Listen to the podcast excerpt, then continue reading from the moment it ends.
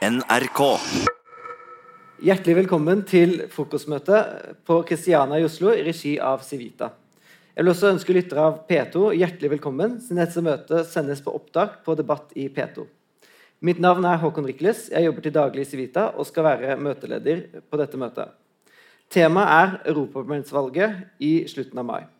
Valget har blitt omtalt som en kamp om Europas sjel. Vil det politiske sentrum miste flertallet til partiet til høyre og venstre for seg, som er mer skeptiske til EU? Hva vil utfallet av valget bety for Norge, som er knyttet til EU gjennom avtaler som EØS og Schengen-avtalen? Dette og andre spørsmål vil vi forhåpentligvis belyse eh, i løpet av neste timen. Som vanlig har vi et utmerket panel. Det består av stortingsrepresentant Høyre, for Høyre, Vetle Wang Solheim. Christian Tyming-Redde, stortingsrepresentant for Frp. Leder i Senterungdommen, Ada Johanna Arnstad. Og statssekretær Sveinung Rotevatn fra Venstre. La meg da starte med deg, Vetle Wang Solheim, og spørre om hvorfor er dette valget til Europaparlamentet spesielt viktig, og hva er det du tror kommer til å skje? Eh, tusen takk for invitasjonen og god morgen, alle sammen. Eh, Dette er en, en viktig debatt, og europaparlamentsvalget som kommer nå, kommer til å være viktig. Vi så det etter 2016 med brexit og Trump. Vi var alle spent på alle de valgene som var i de ulike europeiske landene i 2017. Eh, hvilken vei kom det nå til å gå? Jeg husker godt Vi satt og så spesielt på det nederlandske valget, der Gert Wilders eh, sitt parti lå an til et brakvalg, men stupt inn mot valgdagen. Og da var det litt sånn, Mange av de moderate kreftene pusta litt letta ut. Og det er litt sånn, Hva skjer nå i Europaparlamentet med de høyrenasjonalistiske, populistiske partier sin inntreden i parlamentet? Og jeg er delvis enig med Macron, som sier at dette er et valg mellom eh, om vi skal bygge et EU for framtida, eller om vi nå er på vei ned i en mer nasjonalistisk eh, retning. Europaparlamentet er jo viktig og har fått mer og mer makt, i hvert fall etter 2009. Det er jo det eneste direktevalgte organet i EU, så det er viktig at man engasjerer seg. Så er det også et paradoks da, at EU eh, e har mm, i hvert fall på veldig lenge aldri vært mer populær iblant de europeiske landene og europeiske velgerne. Eh, men likevel så ser vi at valgdeltakelsen er låg, og likevel så ser vi at det er flere nasjonalistiske stemmer som får et eh, inntog. Så det blir et spennende valg for å se på hvor er vi egentlig nå i sitsen mellom de moderate, liberale, EU-vennlige partiene, og hvor stor vil de populistiske og nasjonalistiske partiene bli? Og klarer ikke minst dem å komme i ei felles gruppe, finne en felles leder, en felles front. De er kanskje enige om et par ting, men det er det jaggu meg mye de er uenige om også. Eh, Tybing-Gjedde, økt oppslutning om uh, euroskeptiske og til dels høyrepopulistiske partier. Uh, ser du det som en trussel mot det europeiske prosjektet, eller tror du det er en, mer en revitalisering og mulighet til at flere stemmer blir hørt? Det europeiske Takk også for at jeg invitert. for å si Det først. Eh, det europeiske prosjektet det er vel en, eh, en, både en medieskapt uh, myte og en ønsketenkning. Det som Man er helt sikker på at det finnes nasjoner i Europa, selvstendige nasjonale nasjoner som har ansvar for sitt eget land. La oss begynne der. og det, Innledningsvis fikk vi høre om de moderate kreftene som ønskes overnasjonal styring. Det var det min kollega her sa innledningsvis, og det hører jeg at det blir veldig underlig. Og de som da er ekstreme krefter eller ytterliggående krefter, de ønsker å bevare sin egen nasjon. Eh, jeg vil se det på motsatt. Jeg mener De som tenker overnasjonalitet, det er det jeg vil kalle ekstreme krefter i Europa. Så kan du si som Det som gjelder praktisk samarbeid i EU, det tror jeg de aller fleste er for. altså At Europa samarbeider praktisk når det gjelder handel og når det gjelder eh, at vi har parallelle på å si, trikkeskinner og at stikkontaktene er like i, alle land. Den type ting tror jeg er praktisk og fornuftig. Da har vi også økonomisk vekst, og det er bra. Men så kommer det på den andre siden der de er kommet nå, og det går på nasjonale, det gjelder på kultur og nasjonal identitet. Og da har jeg, en, jeg på, jeg satt og tenkte på hvordan kan man definere dette. så tenker jeg Lokalsamfunn tilhører eh, Senterpartiet, nasjonen tilhører Fremskrittspartiet, EU tilhører Høyre, Venstre og deler av Arbeiderpartiet, mens FN er SV og deler av Arbeiderpartiet. Eh, det tror jeg på en måte er en sånn eh, overordnet syn på, på verdensutvikling. Så For Fremskrittspartiets del så forsvarer jeg nasjonalstaten. Jeg tror den har veldig mye sunt å bidra med. Og den skaper det, det nødvendige mangfoldet av nasjoner i Europa. Å gjøre dette mer forent det tror jeg er veldig uheldig. og Man skal ikke bare tenke krig og fred. fordi eh, Når det gjelder eh, sammenligning med tidligere, altså før annen verdenskrig, så hadde vi den gangen ikke Nato. Nå har vi Nato som skal passe på freden vår. med freden mellom nasjonene. Det vi snakker om nå, er helt andre ting, og da mener nasjonalstaten er viktig. Ja, Arnstad fikk høre nå at eh, lokalsamfunnet tilhører dere. Eh, hvordan ser dere i Senterpartiet og du på europaparlamentsvalget. Eh, på en måte så er det jo en demokratisk øvelse i hele Europa, men så også overnasjonal makt. Eh, hva tror du kommer til å skje, og hva er ditt syn på valget? Nei, Vi i Senterpartiet tror jo på det at det er klokt å ha eh, kort avstand mellom dem som skal ta beslutninger på vegne av folk, og dem som må leve med de beslutningene. Og Er det noen ting vi ser med europaparlamentsvalgene, så er det jo at fra eh, 1979, er det vel, eh, der man for første gang begynte å overføre mer og mer myndighet, så har valgdeltakelsen sunket og sunket i Europa. Og Det er jo et tegn på at folk kjenner at avstanden blir for stor eh, til dem som sitter og skal ta avgjørelser på deres vegne, og at man ikke kjenner seg igjen i nødvendigvis i det som skjer, eller at man har makt eller mulighet til å påvirke det.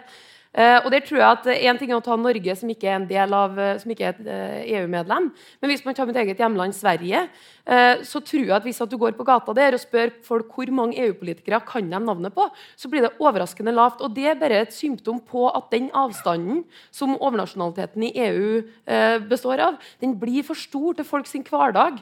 Og Det er det vi er skeptiske til. Vi er stolt over å representere lokalsamfunn der folk får til å være med å påvirke avgjørelser i hverdagen, men òg den, bare den mekanismen med at hvert fjerde år kan du se folk i øynene, folk som du har stemt på tidligere, og spørre dem hvorfor har dere gjort som dere har gjort, og velge å kaste dem eller ikke.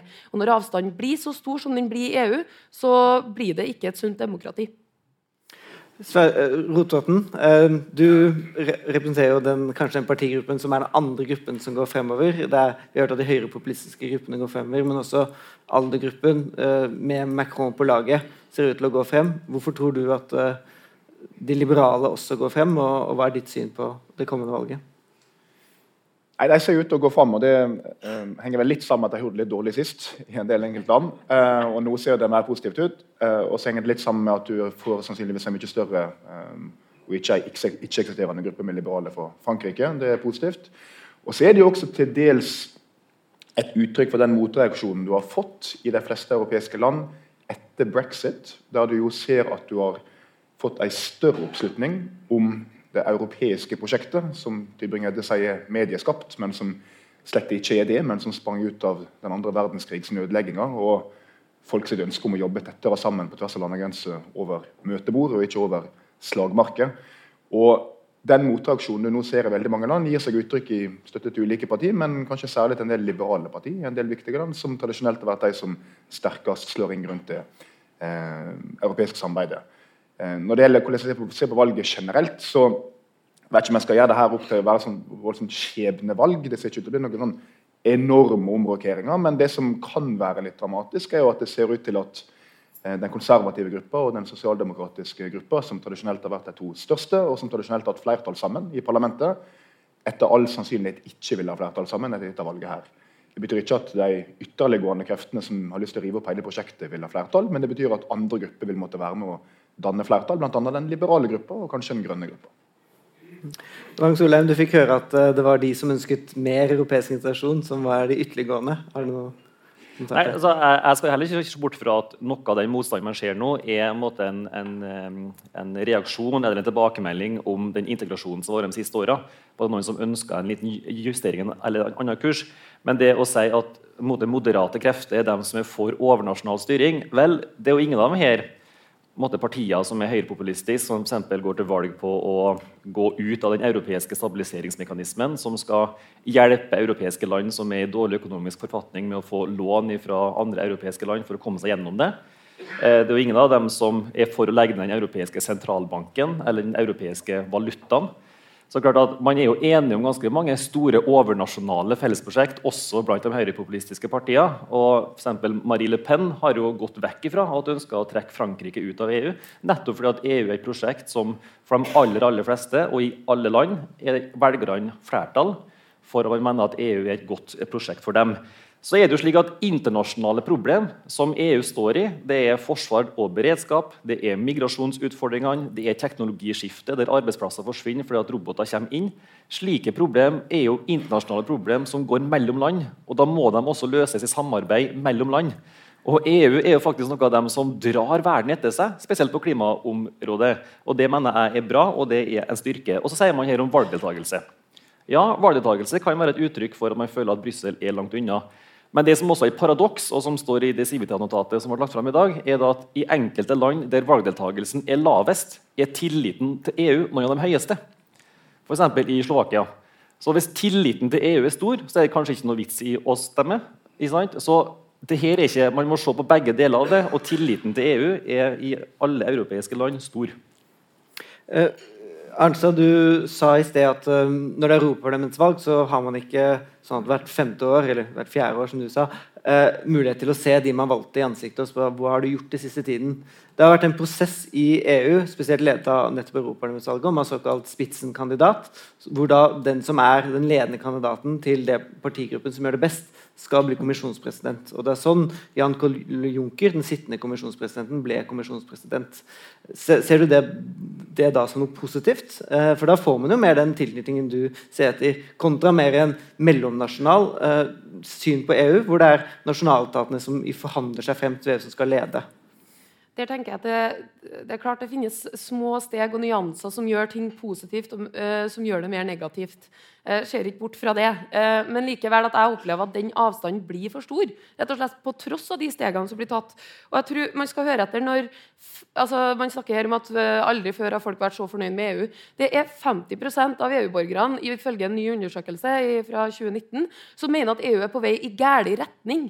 Og, det er på en måte, og de, Noen av de største kritikerne er jo i Italia, men også Frankrike, som blir ledet av Macron, som man opplever som liksom Europas lys, som man kan kalle det. Eh, sånn at jeg vil si at det er eh, for min del så blir det her en struktur som jeg tror ikke er bærekraftig. Og når vi nå blir litt redd i forbindelse med europaparlamentsvalget, vi blir redd for hvem er det som skal sitte igjen med makta Jeg er enig med analysen til eh, Sveinung Rotevatn om at jeg tror uansett ikke at de antieuropeiske partiene, og gjerne de som er lenger til høyre, kommer til å sitte igjen med makta eller kommer til å sitte igjen i en nøkkelposisjon. Men noe av grunnen til at vi blir så redde, er jo fordi vi har samla makt på veldig få hender på dette nivået. Og det er lett å utnytte seg av fordi avstanden er så stor. Det er så mange som ikke kjenner seg igjen i prosjektet. Og da kan en del ytterliggående grupper mobilisere på det. Så jeg tror måte, det er liksom et symptom med denne strukturen som EU har blitt, med overnasjonalitet. Og det er ikke sånn at folk som sier nei til EU, er imot europeisk samarbeid, men man er imot den graden av integrering som man har i dag. Og man merker at man tar makt fra ulike folkevalgte nivå, der folk har vært bekvemme med å ha det tidligere og opplevd at det har fungert bra. Ja. Men det er, jo, det er jo litt sånn symptomatisk at, at Senterpartiet og, og, andre som er veldig kritiske til samarbeidet her, når han blir spurt om konkrete ting, Jan, hvordan kunne det her blitt bedre, har du et syn på det, så, så har han jo ikke det. Eh, det er en sånn ryggmargseffekt som at du bare er mot alt. For det som ordstyrer spør om, Jan, syns han at de viktigste lederne i EU, f.eks. kommisjonspresidenten, skal velges direkte mer eller mindre gjennom europaparlamentsvalget? Eller skal han bli valgt ut av den nasjonale lederen som er valgt av nasjonale parlament? Det er et ganske viktig spørsmål. Så har noe å si om hvordan du ser på demokratiske styringer i EU. Eh, og det at du på en måte ikke har noe syn på det, eh, det forteller meg på en måte litt at her er en bare imot alt uansett. Og det er ikke så veldig interessant, syns jeg. Skal jeg svare på det? Ja, takk. Eh, jeg bare viser til rett og slett de undersøkelsene som er gjort. og Der ser du annet at på tross av det tiltaket, så har på ett år så har eh, tilliten til EU sunket med 8% På et ett år. Det er ganske heftig. og så I tillegg så ser vi fra undersøkelser nå òg 35% sier at de helt sikkert kommer til å stemme i det kommende valget. Eh, mens 31 kommer ikke til å stemme, og 32% er usikre. Jeg syns det er ganske svake demokratiske tall, og jeg mener fortsatt at det er helt reelt. Det fører til at en del grupper har lett for å mobilisere og få sine krefter inn. Og da gjerne en del av de ytterliggående gruppene. Som er, jeg mener at det er et symptom på det usunne strukturen og demokratiet som er i EU. Fordi det blir for langt unna velgerne. Mm. Tybing-Edde, du sa at du var for et EU som sørget for eh, økonomisk vekst og felles standarder og den type spørsmål. Eh, meningsmålinger viser at det EU-velgerne selv ønsker, er et fokus på nettopp økonomisk vekst, trygghet, kontroll over migrasjon og klima. Men disse spørsmålene er jo ganske inngripende i nasjonalstatens makt hvis man reelt sett skal finne felles løsninger på det. Og ingen av de handler jo direkte om kultur og eh, nasjonal identitet. Eh, ser du, hvor, hvor, skal man sette grensene for hva skal være EUs makt hvis man skal nå alle disse substansielle målene uten at man føler at det går ut for nasjonalidentiteten? Altså, spørsmålet man må stille seg, er jo hvilket problem er det du skal løse. Og Hvis du har et problem du skal løse som krever overnasjonalt samarbeid, så skal du prøve å løse det overnasjonalt. Eh, men det er ikke der diskusjonen går nå. Det er hvordan man skal svekke nasjonalstaten og gi mer myndighet til Brussel. Det, det, er ikke konkrete problemstillinger, som du sier nå. Jeg kan nevne en rekke ting her som, eh, hvor europeiske land har en helt ulik tilnærming. og Det er helt naturlig, fordi de er geografisk ulikt plassert. De har en annen historie, de har andre tradisjoner. Eh, og Det gjelder forhold til Kina eller forhold til Russland. Eh, det er ikke sånn at du kan skape et felles eh, prosjekt, EU-prosjekt som skal lage et felles holdning til disse landene. Og Det er bare et eksempel jeg har den voksende ulikheten, nyliberalisme, deregulert arbeidsmarked f.eks. Da kommer du inn på en konkret problemstilling som er veldig veldig vanskelig å løse. Fordi at du har rike land i nord og, og land i sør. Eh, og du får en, en, en, migrasjon som skaper frustrasjon både i sør og i nord. og så kan du si sånn, Det må vi bare gjennom i 50 år, så skal vi få løse dette her. Nå, vi har klart det på andre, andre vis i andre land. Vi har ikke hatt en kunstig union som, som EU. Uh, og ikke sånn Når EU vokser, er, er, da intensjonen at den skal vokse bli enda større? Og hvor er grensen for et EU-samarbeid? Uh, hvorfor skal Europa sette grensene? Nettopp, for da kommer FN. Altså er, du, kan øke, du kan øke dette så maksimalt du vil. I EU så har du hvor mange ulike språk er det? 18 språk eller noe sånt nå? Altså dette her er jo uh, veldig veldig komplisert. og Man føler at man griper inn på områder som man absolutt ikke trenger å gripe inn på. Man skal forsvare de nasjonale kulturene som er. og Det er ikke noe tvil om at nordmenn, for nordmenn som eksempel, da, føler seg eh, nære knyttet eh, vi innad i Norge enn vi gjør til et annet europeisk land. Vi føler oss litt nærmere Sverige og litt nærmere Danmark enn vi gjør kanskje til, eh, til Italia og Spania osv. Eh, det er ikke noe galt i det. Det blir ikke krig av det. Man føler Hver gang det er en diskusjon, når man prøver at man, så sier man at neste steg er krig. Det er ikke automatikk i det. altså. Altså Nasjonalstaten kan fungere side om side. Eh, og jeg tror faktisk på nasjonalstaten. Jeg synes nasjonalstaten har mye å bidra med. Nå skal vi snart feire 17. mai, og det gleder jeg meg til. Gleder du deg også til 17. mai? Ja, det er det faktisk. Det blir veldig kjekt. Men det er klart at hvis jeg tror ikke for at Italia, og Hellas, og Spania og Malta har vært veldig interessert i å takle migrasjonsstrømmen helt alene. De har EU bak seg. Man har et EU som har gått sammen om en felles eh, grense- og kystvakt, om en felles eh, fordeling av ansvar på dette, en felles økonomisk belastning som unionen tar på seg. Hadde vi vært hver for seg på migrasjonsbiten, så har hvert land da stått hver for seg. Og Man kan godt bygge store murer og tro at det skal gjøre det bedre, men det kommer ikke til å stoppe med det. En mur vil jo ikke fikse det her problemet. Det er et problem vi må løse i fellesskap, hele kontinentet. Og i hvert fall når man ser at I løpet av 2022 så vil jo det europeiske folketallet begynne å gå ned. Mens Afrika vil ha en formidabel vekst, spesielt i nord og i vest. Så Migrasjonsproblemet de neste 80 åra kommer til å bli et økende og et enormt stort problem. Og Da trenger vi faktisk moderate stemmer som er inn i stemmen og løser dette her på en best mulig måte. og Der er Europaparlamentet viktig. Og så har man jo også sett at som jeg var inne på i sted, Teknologien har gjort det at arbeidsplasser i EU forsvinner. Nå er jo arbeidsledigheten i EU på det laveste på mange mange, mange år. Men det som er et interessant trekk som nå måtte brer seg, eh, og det gjelder hvorfor sosialdemokratiske partier faller, jo, det at arbeid, typiske arbeiderstemmer også flytta seg. Arbeiderstemmer flytta seg fra de typiske arbeiderpartiene og over til mer protestparti og høyreparti. Eh, og Det er også et lite paradoks. Vi ser at eh, i, valget i Storbritannia så var andelen arbeidervelgere likestilt med andelen velgere som hadde høyere utdanning og var en del av mellomklassen. Vi så at Marie Le Pen ville blitt valgt som president i Frankrike hvis arbeiderklassen hadde fått lov til å bestemme. Så det er også en, en interessant vending. Og så ser vi også at organisasjonsgraden da, paradoksalt går ned i Europa. Også, og her er, det, her er det viktige som det som Kristian er inne på. Europaparlamentet er viktig for at det representerer direktevalgte folk fra hele kontinentet og inn til Europaparlamentet. Europaparlamentet har tatt ned forslag om myndighetsoverføring som kommisjonen har kommet med. F.eks. på arbeidsmarkedsbyrået. Da var det Europaparlamentet som sa at nei, en så stor myndighetsoverføring ønska ikke vi. Her setter vi foten ned. Og så er det jo gledelig å se da, at eh, det toppmøtet som var nå sist, eh, skulle jo bli den nye starten for EU27, altså uten Storbritannia. De var for øvrig ikke med likevel. men der sa de jo, samtlige land, helt enstemmig vi skal stå sammen i tykt og tynt. Og Det var alle lederne med på. Og da mener jeg at Det borger for at vi har et eh, Europa som er klar for å ta imot store utfordringer, men de må løses ved å finne tak i gode, moderate løsninger. Fløypartiene vil ikke kunne være med på å løse dem, mener jeg. Tymjede, du fremhevet uh, nasjonal identitet. Uh, og jeg antar at du vil si at det å kontrollere migrasjon er sentralt for å bevare nasjonalstaten og nasjonal identitet. Men er det ikke nettopp EUs avtale med Tyrkia EUs avtale med Libya, EUs utviklingshjelp i Sahel-beltet i Afrika for å hindre migrasjon, som gjør at vi ikke lenger har en migrasjonskrise.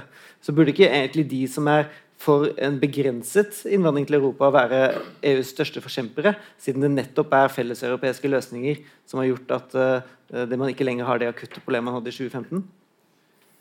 Dette, dette, dette, er et komplisert spørsmål. Først så Migrasjonskrisen løses verken av EU eller av Norge isolert sett. Den migrasjonskrisen løses faktisk i opprinnelseslandene selv. Uh, og, og, når du ser på den demografiske utviklingen i, i, Afrika Asia kontra Europa, som også ble nevnt av en sidemann her, så sier det seg selv at vi kan ikke, vi, vi kan, Europa er ikke i stand til uh, å håndtere den form for uh, mengder av migranter som eventuelt skulle ønske å komme til Europa. Så det er ikke noen løsning i det hele tatt. Og jeg har ikke noen tro på at EU i, i større grad skal kunne klare det. Det er både når det gjelder kompensasjonsordninger, løfter som kan gis av nasjonalstater. USA er viktig her. Eh, så, jeg, At EU skulle være løsningen på migrasjonskrisen i Europa, det tviler jeg sterkt på. Eh, og ikke minst fordi at også FN har en aktiv rolle i dette. Så jeg tror at hver nasjon må prøve å styre seg selv og se hvordan de skal styres eh, og klare migrasjons på, på egen hånd. Og så er det jo noen land som er bedre i stand til å, å, å integrere migranter enn andre kan. Eh, og, og, og, jeg mener at, de, at, EU skal ikke ha en overnasjonal styring for å fortelle hvor mange migranter Norge skal ta imot. Det skal faktisk vi kunne bestemme selv. Uh, ut fra våre ulike og naturlige forhold. Forutsetninger for å klare å integrere dem på en god måte. Så jeg, jeg, jeg, ønsker ikke at EU skal bestemme, bestemme, dette. For hva skal man egentlig holde på med nasjonalt hvis det, de store spørsmålene alltid skal trekkes ut, og så skal man trekkes ut fra nasjonalt kontroll og nasjonal styring vi er valgt av folket i Norge, og da er det faktisk vi som skal bestemme. Det er ingen andre som skal bestemme for oss. Og det er også interessant når du snakker om Europaparlamentet, for Europaparlamentet kan jo ikke sparke sin egen regjering. De kan heller ikke vedta nye lover. Eh, så, så, man sier at det er en demokratisk kontroll. Det kan du stille spørsmål på hvor, hvor viktig det faktisk er, sammenlignet med nasjonale forsamlinger. EU-rådet sitter, eh, sitter, for å si det sånn, så eh, jeg ser ikke på EU som et demokratisk eh, prosjekt, men en overnasjonal styring som igjen er udemokratisk i sin natur. Like, like, like mye som FN er et udemokratisk styringssystem. Så, så 28 demokratisk valgte statsledere som forhandler, og som hver står ansvarlig for sitt nasjonale parlament, er udemokratisk? Dette fordi at ene landet, Tyskland, har 92 parlamentsmedlemmer, det minste landet har 6. Eh, og klart altså, Nasjonal styring det landet som har sex, det vil ikke være mulig. I en sånn setting så vil de få den reelle innflytelsen som er riktig ut fra et europaparlament.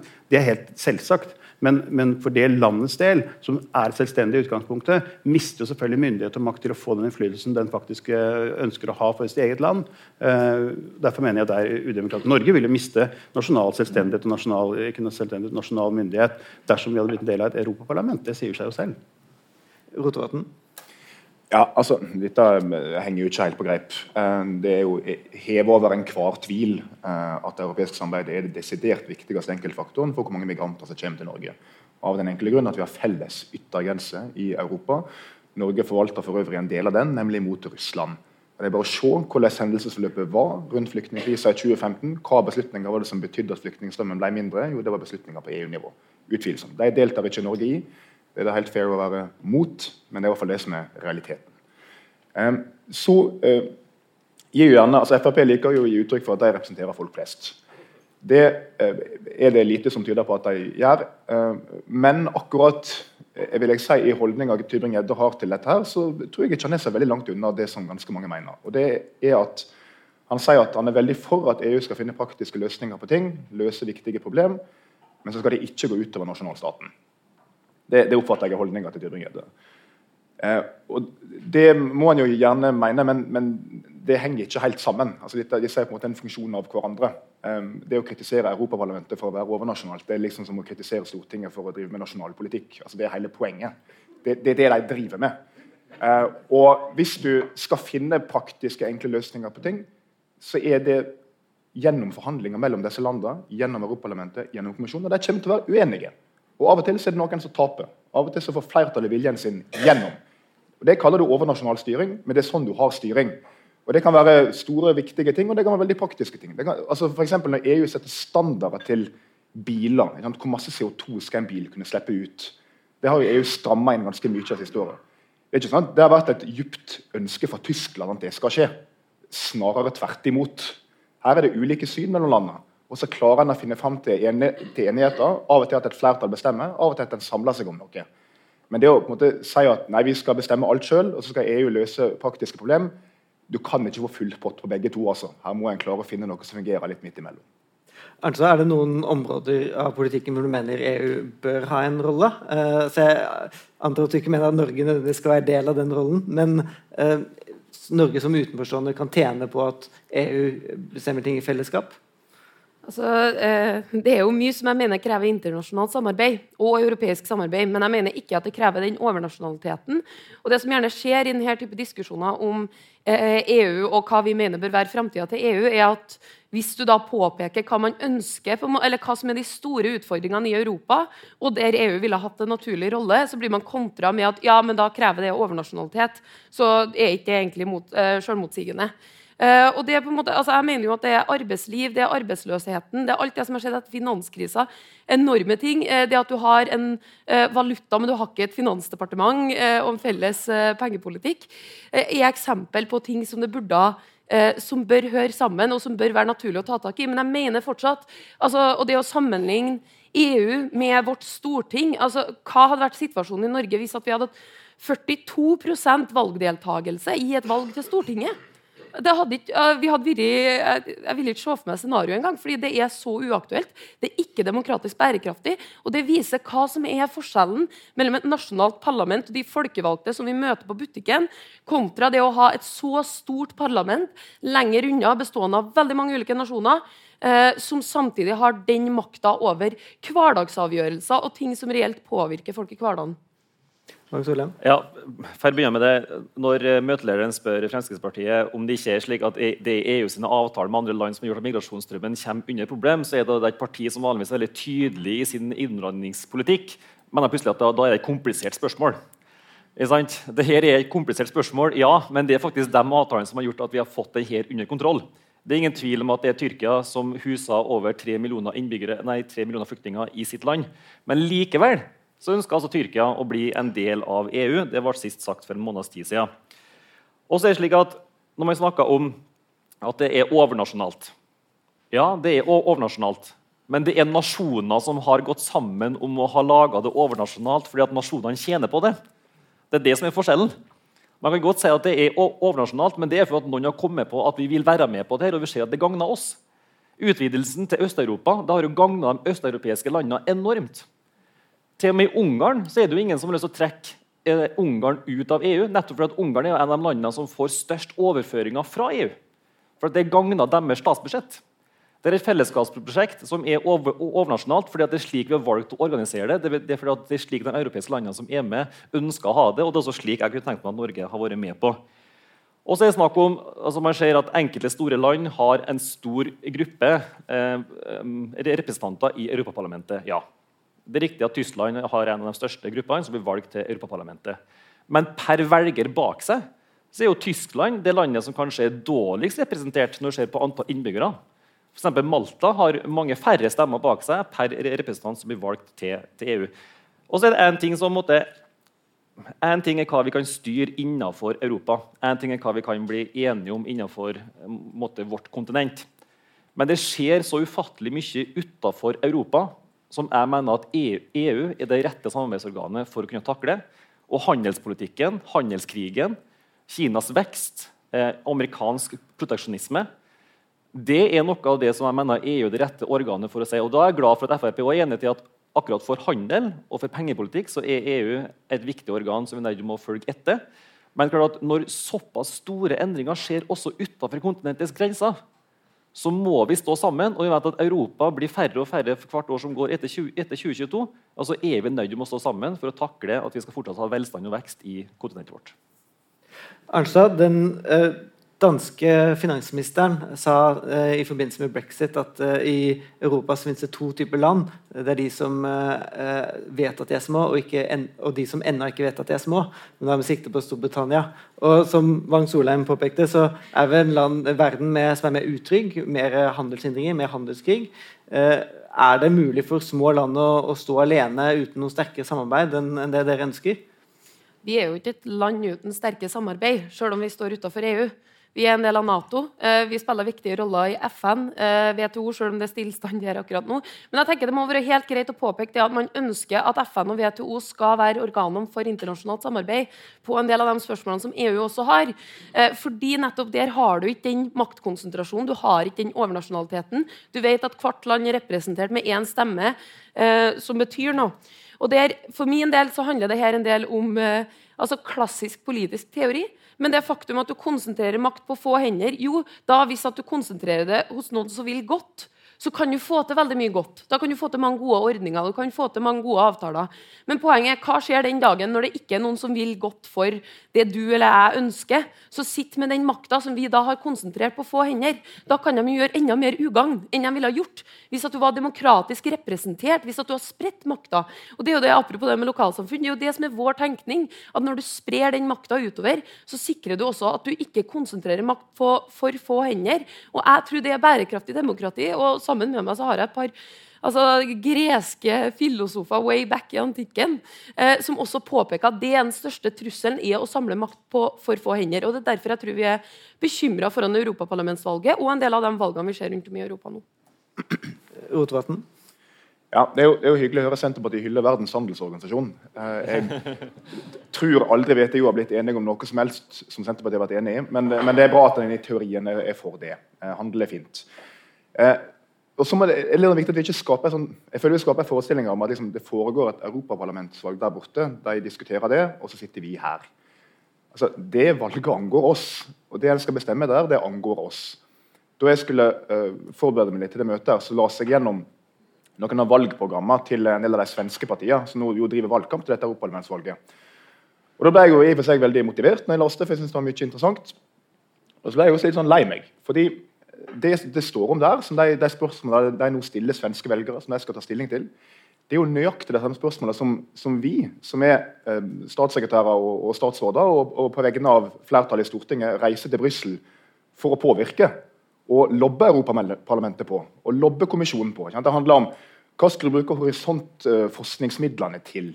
Hvordan skal kvotemarkedet for klima fungere i EU? Skal du ha en felles politikk for fordeling av flyktninger eller ikke? Skal du innlemme landene på Vest-Balkan i det europeiske samarbeidet? Skal du satse på karbonfangst og -lagring? Altså Kjempemange spørsmål som har direkte konsekvenser for oss, som kommer til å gjelde her når det en gang er vedtatt, og som har stor betydning for norske interesser, både økonomisk og på annen måte, sikkerhetsmessig, ikke minst. Disse spørsmålene skal altså nå svenske velgere ta direkte stilling til. Det får ikke vi muligheten til. Men det kommer til å gjelde for oss uansett. Kristian Tybing-Gjedde? Det går jo ikke så verst med oss. da, så Det føles nesten ut som svenskene har suksess. Jeg er ikke helt sikker på det, men vi eh, syns vi har et, et, bra land i Norge, og vi klarer å fungere fel utenfor EU. Eh, e jeg, er enig i at Norge er et bra land. Ja, ja, det er fint. Det så nesten ut som vi klarer oss uten å snakke med EU, men jeg tror faktisk vi har klart det før, og vi klarer det nå også. Vi klart Praktiske ordninger må vi gjøre. Overnasjonalitet i den forstand, det er, eh, det er klokt. Jeg, jeg, jeg, skrev en bok en gang, eller da, da hadde jeg alltid Eh, innledelse og hilsen der, at eh, alle kulturer har én ting til felles, og det er at de forsvant. Uh, og Det er jo det også som, som EU er et prosjekt som er en, en, tydeliggjøring av det, det nasjonale kulturer, utvisking av nasjonale forskjeller, i håp om og tro om at det vil være noe bedre for verden. Uh, jeg tror ikke det. Jeg tror alle nasjoner har veldig mye å bidra med. Kulturelt, følelsesmessig, historisk tradisjoner, ikke minst, å føre det videre. Jeg tror det er helt, helt viktig. Du klarer ikke å skape denne EU-identiteten. Hva er et European way of life? Altså, hallo? Det, er jo, det, er jo, egentlig alt og ingenting. Uh, og jeg tror vi skal ta vare på det som er nasjonalstaten. Og så kan du si sånn, nå er du nostalgisk og naiv og, og, og så videre. Ja, men er, Alt er ikke på den måten som Rotevatn fremstiller på at uh, dette er praktisk, dette skal vi ordne sånn. Mennesket er ganske kompleks, uh, Rotevatn. Og det er faktisk masse følelser i mennesker. og Folk er opptatt av det. De stemmer ut ifra følelser. Og det er ikke noe galt å stemme ut fra følelser. Vi, skal, vi, skal, vi som politikere skal også tilfredsstille folks følelser, for det er veldig viktig. Eh, og ikke tro at eh, alt dreier seg om de praktiske forordningene og kvoter og, og, og, som du er opptatt av, som du mener da er en dokumentasjon eller en slags bevis for at EU eh, er riktig veien å gå. Altså, du kan ha overnasjonal styre. Egentlig, så det du roper etter, er egentlig en diktator som sier sånn skal det være. Da redder du verden. da slipper du alle disse, disse forferdelige demokratier disse som stemmer på andre ting enn de praktiske løsningene. Jeg har respekt for at folk stemmer helt irrasjonelt. Og det er faktisk helt ålreit å stemme etter å følelser. Det er det vi faktisk representerer. Vi skal prøve å representere, eh, eh, representere folks følelser. og det, det, er ikke bare aktiv praktisk politikk. Men igjen, jeg gjentar, praktiske løsninger for å få økonomisk vekst når det hjelper flernasjonalt samarbeid, så er det fornuftig. Og det kan også være samarbeid med andre land utenfor EU. der det er fornuftig. Og det har vi også for når det gjelder eksport av, av, av, fisk andre steder i verden. Det er praktisk og fornuftig. Rotevatn, skal jeg svare på det? Ja, altså jeg, jeg, vet ikke om dere er kjent med, med konseptet stråmannsargumentasjon. men hvis du slår opp det i ordlista, så tror du finner et bilde av Christian Tybring-Gjedde. Eh, for det var akkurat det han gjorde. Nå lagde han seg en sånn stor stråmann som han argumenterte mot. Det, det var visstnok meg. Jeg tok ordet dine argumenter, jeg. Du sa ikke ett ord som jeg sa. Det, det denne stråmannen mener, det er visstnok at EU eh, e skal avskaffe nasjonal kultur. Så at den skal innføre et diktatur. Og så skal jeg sannsynligvis avskaffe 17. mai. Eh, og så mener jeg et eller annet folk sine følelser. Jeg har ikke sagt noe om det her. Det eneste jeg snakker om, det var at de spørsmålene tar stilling til Europaparlamentsvalget, har stor praktisk politisk betydning for Norge. Og Det har å gjøre med f.eks. rammevilkårene for norsk industri. Hvordan skal kvotemarkedet fungere? Det har med politisamarbeid gjøre. Hvordan skal vi klare å stoppe terrorisme, etterforske kriminalitet på tvers av landegrenser? Og Alt dette her er jo praktisk viktige samarbeid som så vidt jeg vet, Fremskrittspartiet er for. Og da er mitt eneste poeng at ja, det er flott, jeg er også for det. Men det er ikke vi som bestemmer det, det er de andre. Og spørsmålet er er vi komfortable med det. Mm. Arnstad, du fremhevet Verdens handelsorganisasjon nå nettopp. Eh, Donald Trump har nektet å utnevne nye forliksdommere til Verdens handelsorganisasjon, så de kan ikke fatte beslutninger lenger. Eh, Donald Trump forholder seg heller ikke til reglene. Han har bl.a. innført eh, toll på flere på stål og aluminium fra Norge. Tror å gjøre det med biler. Nå er det full handelskrig med Kina. Er, det på en måte, er ikke det liksom fordums eh, 90-tallssyn å tro at man kan ha globale løsninger eh, for å sikre vår mulighet til å handle. Eh, må ikke vi se nærmere til våre naboland når de disse globale løsningene beviselig ikke lenger leverer det de pleide? Og når det som pleide å være våre viktigste allierte, begynner nå å se vekk fra disse, disse mellomstatlige nasjonale, overnasjonale løsningene? Jeg synes det er interessant, fordi siden, Gjennom hele valgkampen i 94 og EU-avstemninga så sa jo vi at uh, verden er større enn Europa. Og jeg har tru på det. Jeg har tro på de løsningene som inkluderer hvert eneste land, og hvert eneste land har en stemme for å representere sine folk. Og Der har det jo vært stillstand på et av de viktige spørsmålene i WTO siden 94. og Det skyldes jo det at man ikke blir enige om å gi en, eh, gi en eh, tillatelse til at ved ulike situasjoner så kan man forsørge sin egen befolkning med mat. At man ikke skal trenge å eksportere mat til andre land når man har behov for det i eget land. Det mener jeg er et helt reelt krav, og der er jeg veldig stolt over Norge. Altså, apropos kritikken om at Senterpartiet er imot WTO, det er vi ikke. Vi er stolt over å stå sammen med land som er veldig bekymra for at de kommer til å ende opp med å eksportere mat i en tid når de trenger å forsyne til egen befolkning. Eh, at man skal klare det. Eh, og så vil jeg bare videre på det, jeg tror det har vært veldig interessant om vi har kunnet fått EU-debatten til å ikke bare handle om måte, hvem er det som er for og mot EU, og særlig i forbindelse med europaparlamentsvalget nå, men at du har utvida det til å gjelde hvem er det som er for, eh, eller hvem vil ha mer EU, hvem vil ha mindre EU, og hvem vil ha business as usual. Og Da tror jeg det ville ha fått en del andre grupperinger, for nå er det ganske nært bånd mellom dem som vil ha mer EU, og dem som vil ha business as usual. Og Jeg tror det hadde vært sunt eh, for en del i ja-bevegelsen og forbevegelsen å spørre seg hvor mye er man ikke bare opptatt av at andre skal gi for at man får gjennomslag, men hvor mye er man villig til å gi sjøl? Er det noen ganger at man skal la det overnasjonale hvile fordi at det sikrer et bedre EU-samarbeid over tid? Eh, selvsagt, Det gjør ikke at jeg mener at eh, Norge bør søke medlemskap i EU. Det betyr ikke at jeg mener at, eh, EUs, at, EU har et bærekraftig demokrati, som jeg var inne på tidligere. Men jeg tror det ville ha gitt en bedre debatt om vi har fått den der hvem er det som ønsker mer EU, hvem ønsker mindre EU, og hvem vil ha business as usual. Ja, da følger jeg opp denne oppfordringen. Vang Solheim, ja. ønsker du mer EU eller mindre EU? Eller hvilke områder ønsker du mer EU, og hvilke områder ønsker du mindre EU? Og ønsker du at EU skal gå mer enn overnasjonal, uh, og da kanskje demokratisk retning med mer styret i parlamentet? Eller med en mer mellomnasjonal retning, hvor det er uh, regjeringene som forhandler mer som man ser i andre internasjonale mm. Jeg tror Det som er et godt utgangspunkt, og det som har blitt mer fram i debatten også i, under dette, altså i parlamentsvalget, er subsidiaritetsprinsippet. Altså er det, et, er det noe et land sjøl kan styre velfungerende, en region kan styre velfungerende, så er det ikke sikkert at EU trenger å bidra til å styre det. Men det betyr også at det er en hel rekke ting som jeg mener at EU i fellesskap løser best. F.eks. på klimasida så ser vi at Europaparlamentet som oftest høyner ambisjonene. Jeg mener det er bra. Eh, vi ser det når det gjelder migrasjon, eh, yttergrense, eh, forsvars- og sikkerhetspolitikk. På enkelte ting så mener jeg det er bra at man også kan stå sammen. Men det at man holder fanen høyt på at hvis det er noe en nasjon sjøl kan løse, så skal den løse det. Så er det bra. Og er det også slik at Man må være enig i EU hvis det er slik at man mener at det er motsatte. Hvis man mener at dette er en oppgave som best løses i fellesskap sammen med de ja, 28 eller 27 EU-landene i fellesskap, så må jo alle nasjonene være enige om nettopp det. Eh, så, så, her vil jo, mener jeg, ikke gå noe lenger enn det nasjonene sjøl ønsker å være med på. Men akkurat det som, som, som Sveinung var, var, inne på i stad, når det gjelder Europaparlamentets rolle, er, er, med tanke på mange saker som går, er, helt, er, er sentralt. For jeg mener at Også Stortinget Vi har mange gode kollegaer som reiser mye til Brussel, og som er utrolig dyktige på å holde seg orientert og frampå når det gjelder ting i Europaparlamentet. Regjeringsapparatet, den faste delegasjonen, er på i kommisjonssida, slik at vi utnytter det handlingsrommet som er før en sak måtte avgitt fra kommisjonen, før en sak går til behandling i, i Europaparlamentet. Men jeg mener at vi som stortingsrepresentanter, vi som politiske parti i, i Norge, er fortsatt for dårlige på å bruke det handlingsrommet som er når saker går i, i Europaparlamentet. Nå ser vi at De store sakene går i trilogforhandlinger. Der skjer det en del ting som er viktig for, for Norge. For så har vi jobbet hardt for å beskytte den nordiske modellen når arbeidsmarkedsbyrået skulle ha blitt utforma. Det er noe som vi er felles enige om i Norge. Og da mener jeg at Det har vært på sin plass at vi på Stortinget har vært flinkere til å reiste mer til Brussel, mer systematisk, og jobba med og mot våre partigrupper for hva som er særnorske standpunkt, f.eks. utvinning av olje og gass i nord. Eh, så et forslag som jeg lanserer i dag er at Det bør være like enkelt for stortingsrepresentanter å reise til Brussel som å reise til Bergen. I dag har ikke vi muligheten til å reise annet enn innenlands når vi selv tenker det. Jeg mener at Det bør åpnes for at Brussel skal bli et unntak, slik at norske stortingsrepresentanter i mye større grad kan reise til Brussel, snakke med sine partikollegaer i de andre partigruppene i Europaparlamentet, slik at det norske synet kommer fram. Og Det tenker jeg at det må Senterpartiet være enig i. Hvis de er uenige i en sak, ja, ja, la oss utnytte da, det handlingsrommet som finnes i Brussel før saken kommer til Norge, slik at man kan fronte sine meninger der, uavhengig av om man er enig eller uenig i en sak.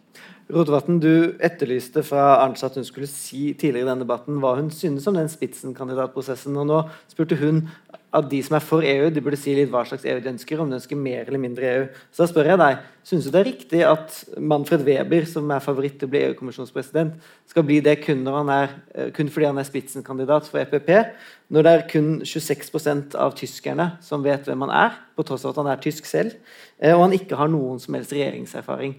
Er det en god prosess?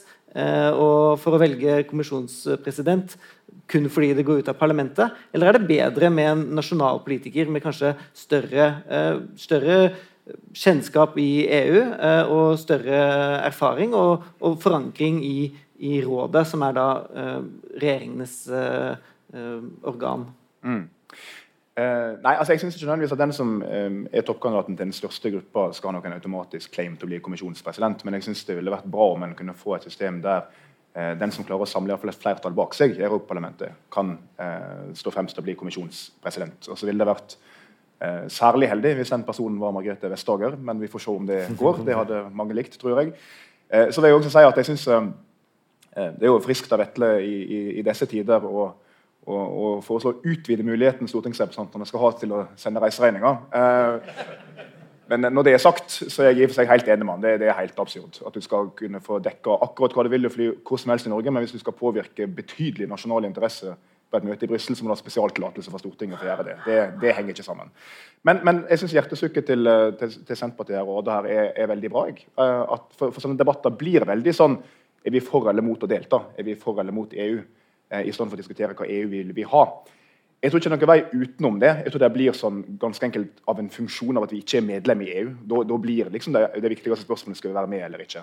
Men i EU-landene så er jo debatten nettopp den du etterlyser. Det er jo det europaparlamentsvalget handler om. I Sverige, i Danmark, i Italia. Skal vi ha mer EU, skal vi ha mindre EU? Hva områder skal en gå tyngre inn på? Hva områder skal en trekke seg tilbake fra? Det er det som er den relevante diskusjonen. Uh, og Den er selvfølgelig kjempeviktig, og det har også vi mening om. Jeg mener f.eks. EU bør gå enda hardere til verks og gå tyngre inn og regulere på noen områder som er av eh, overordna viktighet. Det gjelder særlig klima- og miljøpolitikken, flyt av kjemikalier osv. på tvers av landegrenser. Der det er masse mer enn er nødt til å gjøre. Standarder til biler, krav til CO2-utslipp. Og så er det noen områder der EU har hatt en tendens til å gå inn og regulere, eh, som jeg synes en bør trekke seg mer tilbake fra. Det gjelder f.eks. en del spørsmål som har med altså opphavsrettighet og kultur og krav til internettilbydere og sånt å gjøre. Der det er en viss tradisjon i enkelte land for å regulere det ganske tungt, Frankrike særlig, eh, der vi ikke har den samme tradisjonen i Norge. og Jeg syns heller ikke at EU bør drive med det. Sveinung Rotevatn har en måte å argumentere på. De, de interessene som han har, de mener han skal løses uh, i EU, men de han mener er, det skal ikke løses i EU. Men det vil være krefter som trekker i alle retninger her, også de som velges inn i, i EU-parlamentet. Og så tar vi eksempel, Du sier at klimakrisen er den, er den, aller største som finnes. Det har vel Venstre sagt uh, i evigheter, og verden går videre. Uh, men du mener at jorden snart går under hvis vi ikke klarer å få til noen overnasjonale styringer på klima. Men hvis du ikke er enig i det, da, men at du blir pålagt av EU å få en rekke restriksjoner på ulike ting i Norge. Så er det klart at du er enig i det, for, du, for deg er dette et stort problem. Men hvis det er mange i Norge som mener at dette er et veldig overdrevet problem, så syns de faktisk det ikke er noen god idé. Og Det må man også respektere. Og Samme gjelder migrasjon. Hvis sier at EU sier at dette er et problem, nå skal vi løse dette, vi skal fordele kvoteflyktninger eh, rundt forbi i Europa. Men hvis du ikke vil at du skal ha, ha noen kvoteflyktninger du mener at det er bedre å løse problemet der de er, ja vel, så blir du pålagt noe som du protesterer for. Og Da sier våre velgere og mange andre velgere sier at dette er pålagt for oss fra EU. Vi er ikke med på det. Så kommer forsvar. Så sier de at nå skal vi lage et EU-forsvar, en EU-hær, og vi skal også ha et PESCO-samarbeid når det gjelder forsvarsmateriellsamarbeid. Dette er jo drømmesituasjonen til Donald Trump, selvsagt, for da får du da et, bygget opp et europeisk forsvar. Han kan peke på Europa, bygge opp et forsvar, forsvar dere selv. Eh, og så sier vi at dette er smart av oss å ha et eget forsvar i parallelt med det samarbeidet vi har i Nato, som jeg tror er veldig uklokt. Ikke minst etter de årene jeg har jobbet i Nato og sett hvordan det har fungert. Det fungerer veldig bra. og Nå skal vi, altså, skal vi da overlappe det med å ha et eget europeisk samarbeid pga. forsvarsindustri, forsvarsteknologi og utvikling av en EU her. Som skal være en slags jeg vet ikke, en sånn hybrid løsning mellom Nato og andre steder. Det er, tre, det er tre områder jeg mener at EU ikke bør holde på den, på den måten de gjør. Men det er klart hvis du definerer verden annerledes, du mener at de globale utfordringene er annerledes enn det f.eks. Fremskrittspartiet mener, ja vel, så er sannsynligvis EU en god løsning. da. Så kan vi ikke være enige om det, at vi kan ha ulike syn på EU, men at vi respekterer hverandre for det. Rotevatn? Jo, det kan vi være helt enige om. Eh, og jeg respekterer deg, og vi har ulike syn på dette, og det er helt greit. Eh, men jeg opplever at det du liksom kritiserer, er jo demokratiet i seg sjøl. Altså, dette er jo poenget. At folk kan mene ulike ting om disse spørsmålene. Og så går de til valg. Og det gjør de nå i hele Europa i mai. Og så får vi se hvordan det går. Og så, Jeg er jo politiker, så du kan for kritisere meg for at jeg vil at mitt politiske syn skal, skal vinne gjennom. Det, det, er kanskje ikke så sjokkerende at jeg mener det. Eh, men, men, eh, men, når det er sagt, så mener jeg for så vidt også at jeg har en viss prinsipiell tilnærming til dette, uavhengig av mitt politiske syn. Nemlig at en del spørsmål som per definisjon er grenseoverskridende, der det angår andre land, hva et annet land gjør, veldig direkte, så er det vel mer naturlig bør en kunne være enige om at her har du felles regler, enn på spørsmål som bare angår ett enkelt land. Og jeg mener jo at Klima- og miljøpolitikken er et veldig godt eksempel på det. Altså, du kan ha politisk ulikt syn på hvor, hvor viktig det er å bekjempe klimaendringene, eller hvor viktig det er å hindre spredning av fremmede arter eller kjemikalier eller forurense elver og innsjøer. Men vi bør kunne være enige om at det våre naboland gjør, de spørsmålene angår oss. Ikke minst hva gjelder utslipp av klimagasser, det de slipper ut av klimagasser i Romania, det angår Norge helt direkte. og Da er det helt fair mener jeg, at vi har noen felles reguleringer på det. og De reguleringene bør være strengere enn i dag. og Der har heldigvis EU vært ganske vellykka. Det er den mest vellykka samarbeidsformen på klimaområdet i verden. Den har klart å redusere utslippene betydelig, samtidig som man har fått opp den økonomiske veksten. Det er kjempeviktig å se for resten av verden at det er mulig å klare grønn vekst på den måten. Og Norge er med på alt dette her. Arnstad? Ja, men der er jo ingen av oss er uenig. Men det kan ikke kobles direkte det at hvis, at eh, du, måte, eh, hvis du ikke bryr deg om utslippene i Romania, så er du automatisk mot EU, eller vice versa. Eh, så det, det, vil jeg protestere litt på. Og så I tillegg så vil jeg føre debatten gjerne tilbake dit vi begynte, og det handler om europaparlamentsvalget. Og der er det jo sånn at I hvert fall hvis man tar forutsetninga om at de antieuropeiske eh, partiene, altså de som ikke vil ha EU, at de ikke får en majoritet eller heller ikke en nøkkelrolle inn etter valget. Eh, så er Det jo sånn at, for det ble snakka om hvor heldig man er i nabolandene våre så får lov til å være med og votere over det her, for det er så viktige spørsmål. Men poenget er jo at det er veldig lite som vil forandre seg for oss. Forutsatt at de ikke får en nøkkelrolle, så er jo det samme forholdet til EØS som det var før valget.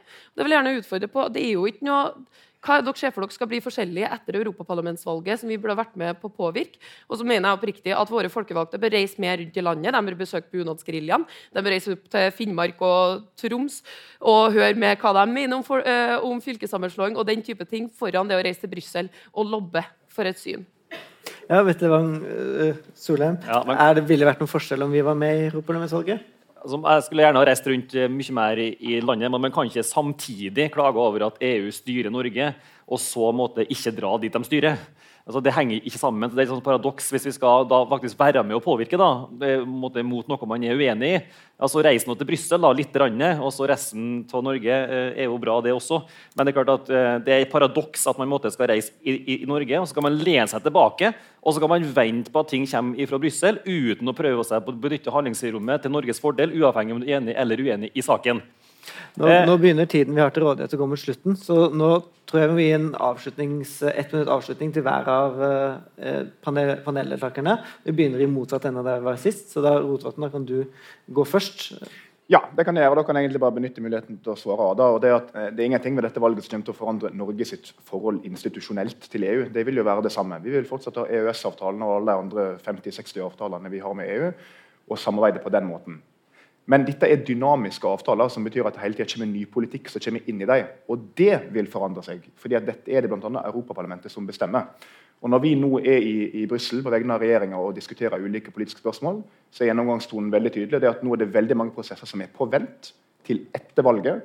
Fordi at du vil se hvordan valgresultatet blir, og hvordan den politiske maktbalansen blir. Og Da starter prosessene på nytt. På forbrukerrettigheter, på sirkulærøkonomi, på klimautslipp, på sikkerhetsspørsmål. Og Innholdet i slutten av det kommer til å være kjempeviktig for Norge. hvordan det blir. Og Vi kommer til å ta imot de reglene på slutten av løpet som vanlig. Eh, og så mener enkelte av oss at vi kanskje burde starta litt før det og vært med å stemme på dem og utforme dem. Eh, men det er det i hvert fall bare Norge som kan bestemme, og ingen andre, om vi skal være med på det. Altså, Ja, jeg har ikke forberedt noe avslutningsappell, akkurat, men jeg kan jo si det norske synet per dags dato er jo det vi har fra de to folkeavstemningene. Det ville vært veldig rart om vi skulle ha endra praksis på det og sett vane på det nå. Og det er to klare nei. Eh, samtidig som vi har en EØS-avtale som var ment som en midlertidig overgang før vi skulle få EU-medlemskap, som vi fortsatt har i dag. Og jeg vet ikke med dere, men midlertidige avtaler som er over 20-25 år på utgangsdato, eh, tror ikke jeg er veldig sunt. Og jeg tror heller ikke det er veldig bærekraftig demokratisk.